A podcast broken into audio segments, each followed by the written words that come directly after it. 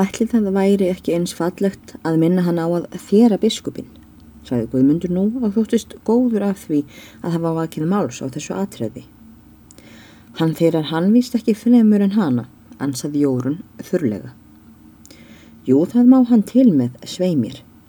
Hvað sem frúnið þeirri arna líður, segir Guðmundur og lítur en glottandi til Jórunar. Það máttu til með að muna tetrið mitt, segir hann og lítur til frændan síns. Að þér að biskupin sjálfsagt og þá konuna líka, því það mun hún kunna betur við. Ha, ha, ha. Heldur það ekki, þú komist út af því er ég en mín. Sælir verið þér, herra minn, segir þau við hann og svo segir þau við hana. Sælar verið þér, góða frú. Hún Jórun og húsmaður mín bað að hilsa þér. Svona áttu að hafa það barn. Ekki dugir annað en að þýra blessaðan biskupin og konuna mun ekki meiga að setja hjá, segir hún Jórun. Nei, annað hjálpar nú ekki senu litli. Það þarf vist ekki að fjölerða um þetta, mælti Jórun hátt. Hann þýrar bæði hjónin, drengurinn og lætur svo vera. Aðalstein hlustaði til áminningana með nokkuð blöndnum tilfinningum, en stundum lág honum við að brosa.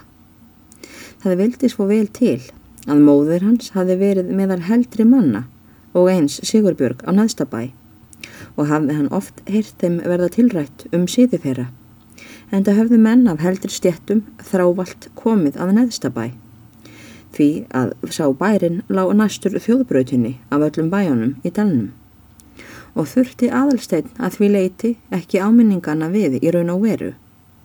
Samt hlustaði hann til þess sem talað var en það fann og viðurkendi að ráð þessi voru gefin af góðum hug. Þú verður nú annars góðurinn minn að halda þér að öllu leiti til Gunnars á næðstabæ, mælti Guðmundur til frenda síns. Þessi ferð þín er í rauninni þeirra verk, hjónana þar, eftir því sem ég er skilst og svo verður Gunnar að sjá um þig fram og aftur. Það er ekki ofgert.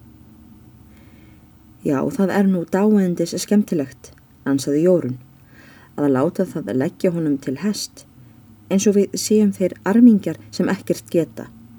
Mér liggur nú við að segja að það sé til skammar. Ó nei, láttu ekki svona kona. Það gerir enginn sem hann getur ekki. Og þú gætir það vist ef þú vildir, sagði Jórun. Ég vil heldur rista niður úr hálsunum á klárunum mínum en fara að þeita þeim núna vestur að skálholti, segir Guðmundur og fer að svipast að húfunni sinni til þess að vera við öllu búin. Í þessu byli heyrist framann úr baðstofunni hvæðaskapur bjargar. Hún er farin að hveða svo hátt að heyrist um alla baðstofuna og herra en hún er vön endranær. Rött hennar er nokkuð skjálfandi sem verður spenda á að hún reyni alltaf frekasta á hljóðin og alltaf er það sama bagan. En hvort hún hefur haft nokkur tilgang með þessu eða ekki, það þykir ekki mega fullir það. En vist var það að Jórun tók viðbragð er hún heyrði söngin, fekk sér í skyndi, vænt tópaksnef, gekk síðan fram úr húsinu og mælti um leið. Ætli það sé ekki mál komið fyrir mig að fara að skamta. Um kvöldið lagði aðalstein upp frá fossi og reið hrissu er Guðmundur frændi hans liði honum að neðstabæ og var hrissunni ætlað að strjúka heim aftur. Jórun fylgdi aðalsteini úr hlaði og sagði honum að smjörfjörðungnum er fluttur myndi verða á hestum Gunnars vestur að skálholti. Þetta er sending frá mér til biskupsfrúarinnar, mælti Jórun, og áttu að fá henni sendinguna með allra bestu hverju minni en ekkert rýður þér á að geta um þetta á neðstabæ því að sendingin gengur þangað undir nafni Þorstins á hálsi. Síðan kvöttust þau og greið aðalsteinn ofan að neðstabæ og kom þar um solsettur. Öll börnin á neðstabæ stóðu úti þegar hann kom til að fagna honum og var það naumast að aðalsteinn kæmist að baki áður þau tóku til að hlæja svo dátt sem nokkur ung sál getur hleið að því hvernig aðalsteinn leit út á nýju treyjunni og jafnvel Anna fylgti flokkin svo lítil sem hún var og veldist um á hlátri. Síðan tók hún sig til og dró ermarnar á treyu aðalsteins fram yfir hendurnar sem reyndar var nú hagðar leikur. Hjælt síðan þar utanum dauðahaldi og sagði Hvað getur þau nú?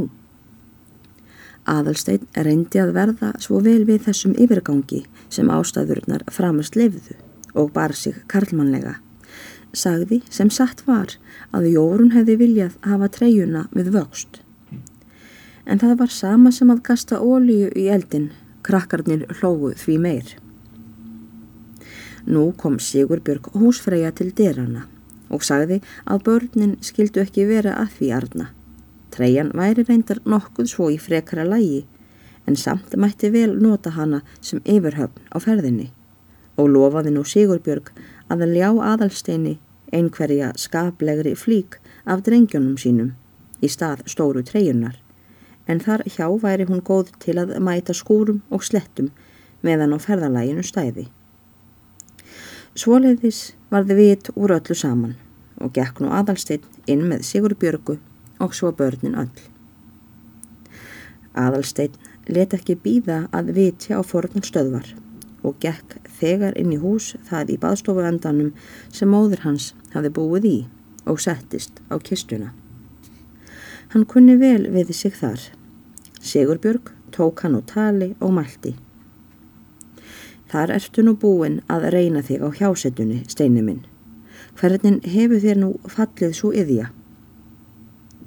Svona.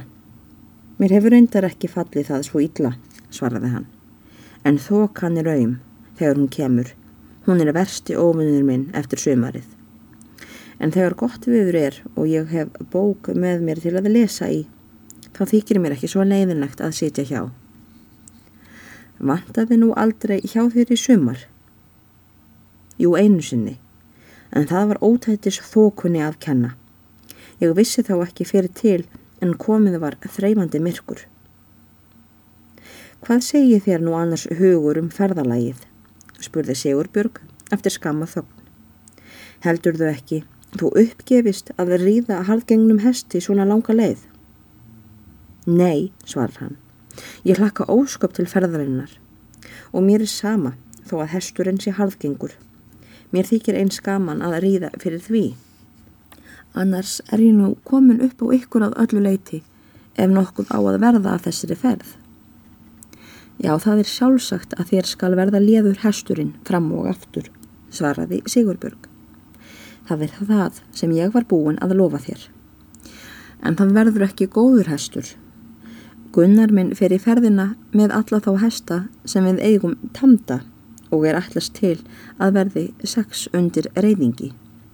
Svo fer hann með þokka sem hann rýður sjálfur og ætlar að hafa litla brún með því hann var nú tamin í sumar og honum átt þú að fá að rýða að minnstakosti við og við.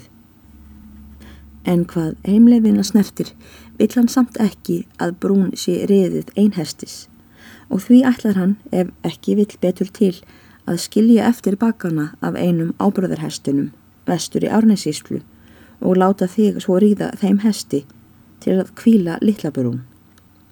En hann vonar samt að geta komið sér í félag við einhverja lestamenn að austan og fengið hjá þeim hest til láns handa þér að einhverju leiti. Þetta er nú ráðagerðin. Auðmingja litli brún á þá að hafa fyrir að bera mig, sagði aðalsteinn. En er hann ekki vakur, Sigurbjörg? Ég man ekki betur en að hann skeiðaði þegar hann var trippi.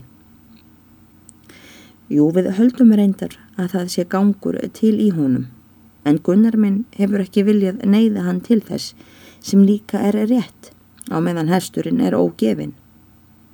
En það er líkast til að við verðum neytt til að bera á honum áður mörg ár líða.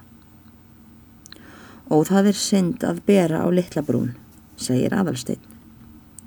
Já, en hvað skal segja? Sumir af hestunum eru farnir að eldast og við höfum ekki efni á að kaupa í skarðið. Þetta sagði Sigurbjörg satt